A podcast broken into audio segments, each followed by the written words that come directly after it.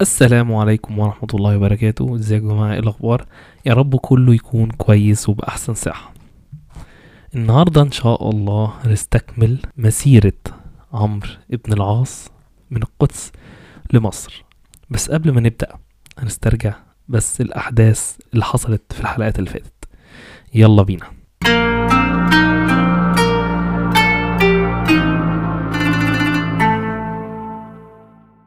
تعالوا سريعا نسترجع الأحداث اللي حصلت.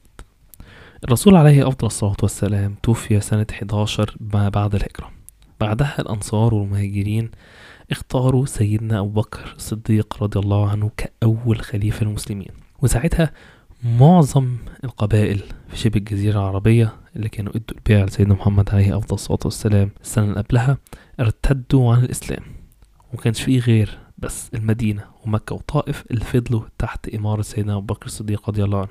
ومن هنا بدأت حروب الردة. اللي قدر سيدنا أبو بكر الصديق رضي الله عنه يرجع كل القبائل من تاني تحت الحكم الإسلامي. بعد حروب الردة بعد سيدنا أبو بكر الصديق رضي الله عنه جيشين. جيش يفتح الشام في سوريا وجيش يفتح العراق في فارس. ومن هنا بدأت الفتوحات الإسلامية. وقدر سيدنا خالد بن الوليد رضي الله عنه يفتح العراق كلها في سنة واحدة.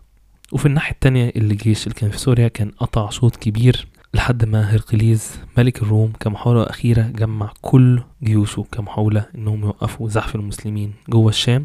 وفي معركة اسمها معركة اليرموك اللي كان الجيش الروماني 150 ألف مقاتل ضد 40 ألف مقاتل بس من المسلمين قدر بعبقرية خالد بن الوليد جيش المسلمين يهزم جيش أكبر منه بأربع مرات. والمعركة دي زي ما قلت قبل كده من أهم المعارك في التاريخ مش التاريخ الإسلامي بس في التاريخ عشان دي اللي شكلت شكل الشام لحد دلوقتي. ومن هنا يلا بينا نبدأ قصتنا.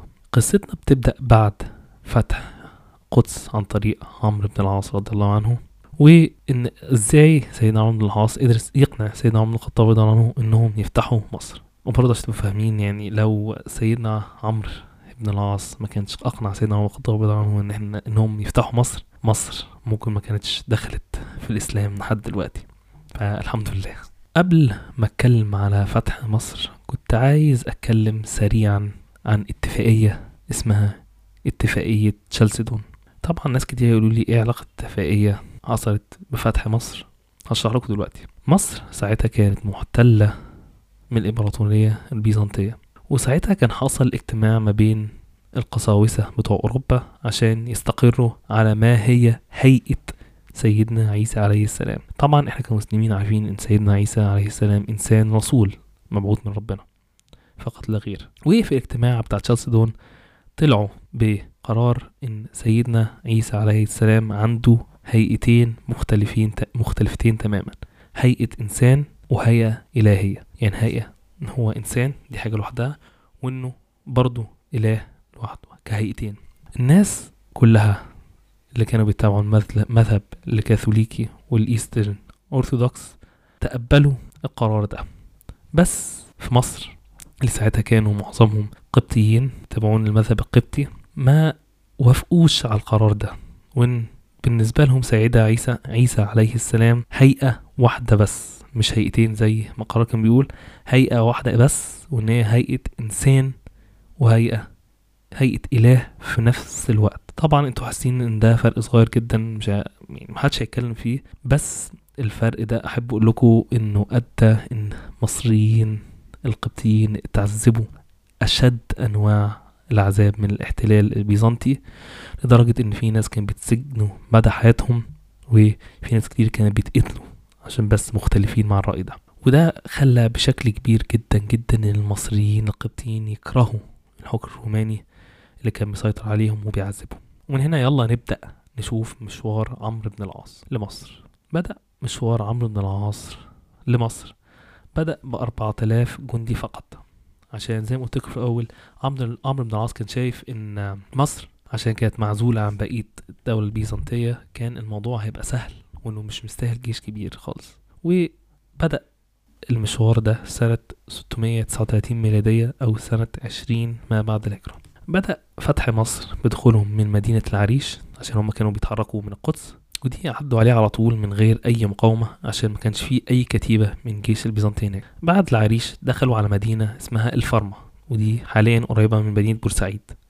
والمدينة دي كانت فيها كتيبة من الجيش البيزنطي وأول ما وصل جيش المسلمين بدأوا حصار المدينة. حصار المدينة أخد شهرين بس قبل ما قدروا يفتحوها والموضوع ما كانش صعب عشان الشعب المصري كان متعاون جدا جدا جدا مع المسلمين. زي ما قلت لكم كانوا بيكرهوا الحكم البيزنطي وكانوا بيكرهوا الحاكم بتاع مصر ساعتها اللي كان اسمه سايرس. وبعد فتح الفرمة اللي كانت قريبة من بورسعيد كمل عمرو بن العاص بجيشه ناحية الجنوب لمدينة بلبيس. وأول ما وصل برضه حط المدينة تحت الحصار. بس بلبيس ما كانتش سهلة فتحها زي الفرمة خالص.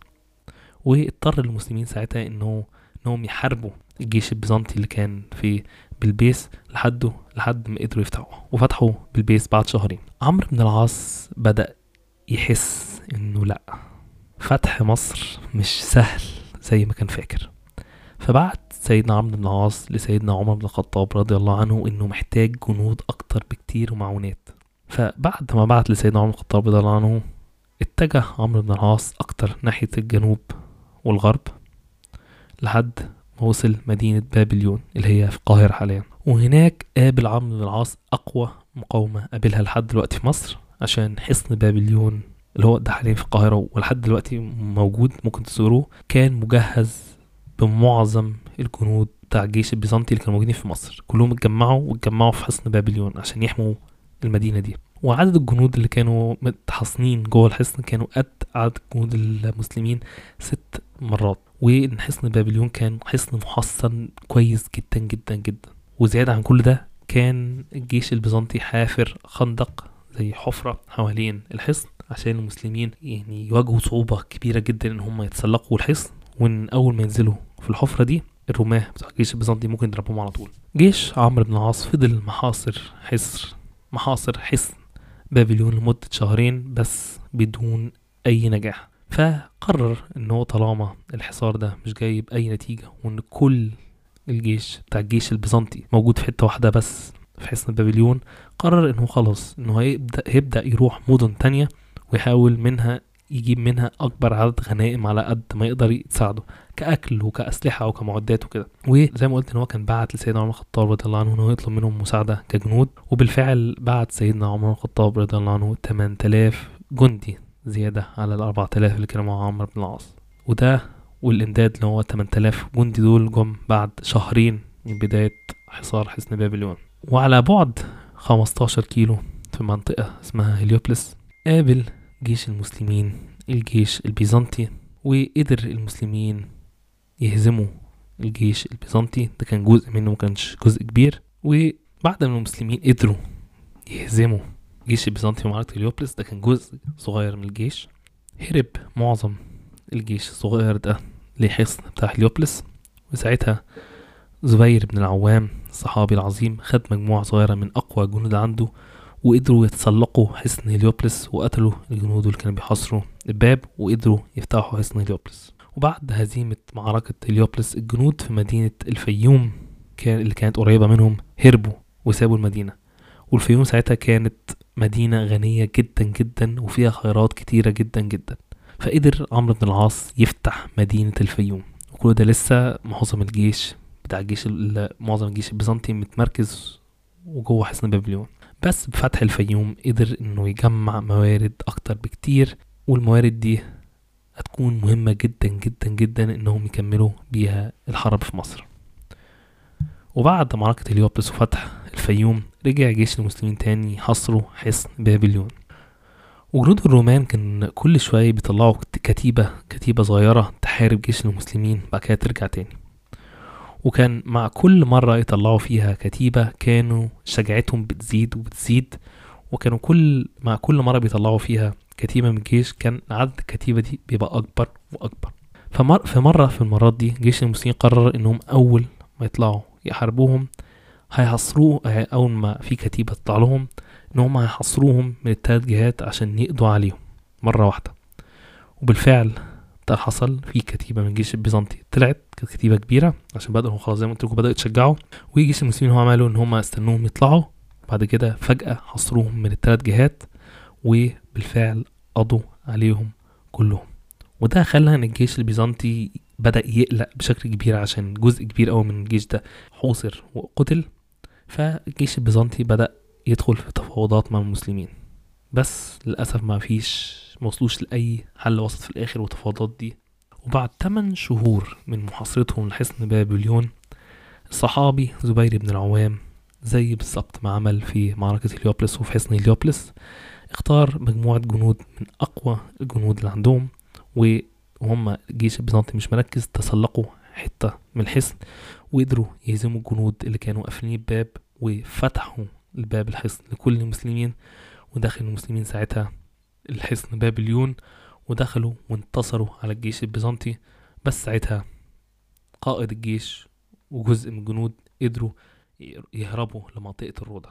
قدروا يهربوا كان في زي باب خلفي في الحصن وقدروا يهربوا لمنطقة الروضة. بعد فتح حصن بابليون سايرس اللي كان حاكم مصر ساعتها كان عايز يدخل معاهدة صلح مع المسلمين. وانهم وإن هو خلاص شايف إن هم مش هيقدروا يحموا مصر فقرر إن هو كان عايز يديهم يقلل الخسائر قد ما يقدروا وكان عايز يديهم مصر كلها. وبالفعل حصل واتفقوا على شروط الصلح وكان كل الناقص إن هركليز ملك الدولة البيزنطية يوافق. بس رفض رفض تام لمعاهدة الصلح دي وإنهم يسلموا عمرو بن العاص مصر. ف عمرو بن العاص ما كانش قدامه أي خيار تاني إنه هيكمل فتوحات عشان قرار الاستسلام كان رفضه ملك الدولة البيزنطية. وبعد فتح بابليون بشهرين اتجه عمرو بن العاص بجيشه لإسكندرية. عاصمة ك... والإسكندرية دي ساعتها كانت عاصمة مصر. وإسكندرية دي كانت عشان عاصمة مصر كان فيها خيرات وقصور حاجة فوق الخيال. ودي زي ما أنتوا عارفين الاسكندرية دي المدينة اللي أسسها الإسكندر الأكبر. وبعد شهر خدوا شهر إن هم يتحركوا من بابليون للإسكندرية وأول ما وصلوا حصروا حصن إسكندرية. وحصن إسكندرية كان أقوى وأكبر حصن في الحصون كلها بتاعت مصر. عشان زي ما قلت لكم إسكندرية ساعتها كانت عاصمة مصر. والحصن كان مكون من كذا حيطة ورا بعض حصن جوه حصن جوه حصن. فالموضوع كان صعب جدا لجيش المسلمين. والأهم من كل ده ما كانش هيقدر برضو في حاجة لما كان زمان لما يحصروا مثلا حصن معين أو كده كانت زي التكتيك كان الجيش ساعات بيتبعوا إنهم يمنعوا عنهم كل الأكل والشرب لحد ما شبه هيموتوا من الجوع فيستسلموا. بس في حصن الإسكندرية للأسف ده ما كانش حاجة متاحة عشان حصن الإسكندرية كان فيه جزء منه مفتوح على المية وساعتها المسلمين ما كانش عندهم أسطول بحري. فكان على طول في إمدادات بتيجي للناس اللي عايشين في الحصن أو الجنود اللي في حصن اسكندرية إمدادات كمية وشرب وكده. فالتكتيك إن هم يمنعوا عنهم المية الأكل ده ما كانش حاجة متاحة. وغير كده كمان الحصار كان حصار عن بعد عشان كان كل ما جيش المسلمين يقربوا الحصن كان بيتضرب عليهم بالمنجنيق اللي هو بيشيل طوب كبير وكان كل مرة الرومان يحاولوا يطلعوا يحاربوا المسلمين المسلمين كانوا بيصدوهم. فكان في زي مساحة كبيرة جدا ما بين جيش المسلمين والحصن نفسه. لحد ما هرقليز ملك الدولة البيزنطية قرر إنه هيجمع جيش كبير جدا جدا جدا وهو في قسطنطينية اللي هي إسطنبول دلوقتي اللي كانت عاصمة الدولة البيزنطية وإنه هيجمع جيش كبير جدا عشان يروح إسكندرية ويحارب المسلمين وإنه كان هيقود الجيش ده بنفسه. بس بعد ما جمع الجيش ده وكان لسه هيتحرك عشان يروح يحارب المسلمين مات إركليز والجيش العظيم ده كان كبير جدا ما اتحركش من قسطنطينية. وبعد ست شهور بعد سيدنا عمر الخطاب رضي الله عنه لعمر إنه كفاية حصار وإنه خلاص لازم يفتحوا اسكندرية. وبعد ساعتها أبو عبيدة ابن الجراح اللي كان قائد الجيش في الشام وكان نجح في أكتر من مرة إنه يهزم رومان في كذا حرب. عشان طبعا كان أبو عبيد بن الجراح كان زي ما قلت لكم كان حارب رومان في كذا حرب فكان عنده خلفية عن طريقة حرب الجيش البيزنطي. وبالفعل بوصول أبو عبيدة بن الجراح قدر يفتح إسكندرية وبكده بعد فتح الإسكندرية فتحت مصر وبقت مصر دولة مسلمة.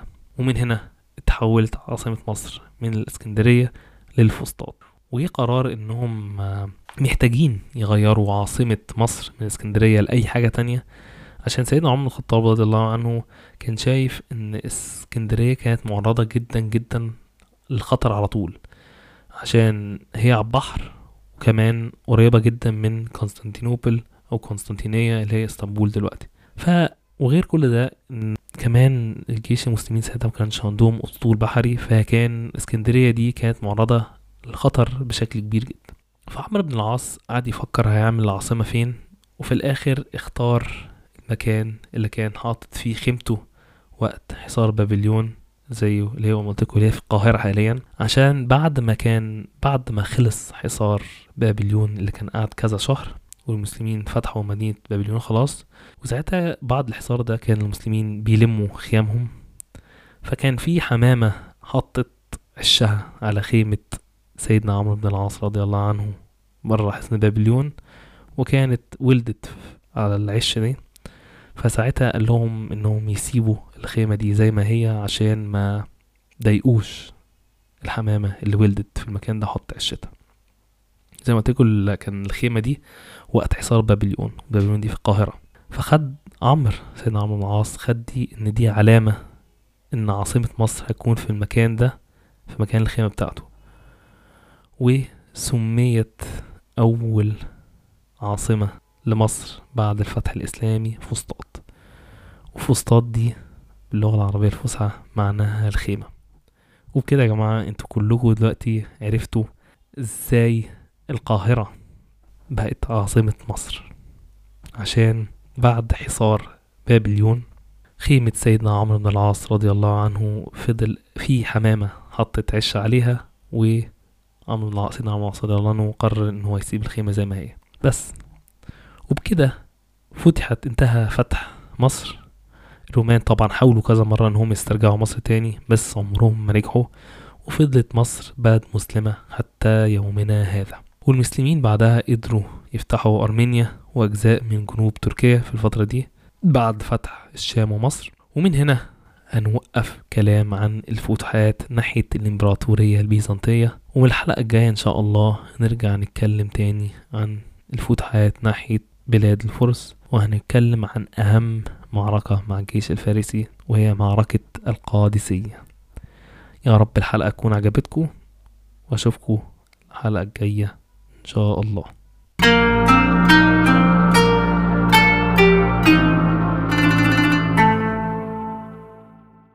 الحمد لله والصلاة والسلام على سيدنا محمد عليه أفضل الصلاة والسلام. يا رب يا جماعة الحلقة تكون عجبتكم وبكده أنتوا كلكم عرفتوا إزاي مصر إزاي مصر بقت دولة مسلمة وليه القاهرة بقت عاصمة مصر. يا رب يا جماعة الحلقة تكون عجبتكم لو أي حد عنده أي تعليقات أو استفسارات يبعت لي على انستجرام Islamic Stories Podcast. شكرا لكم جميعا.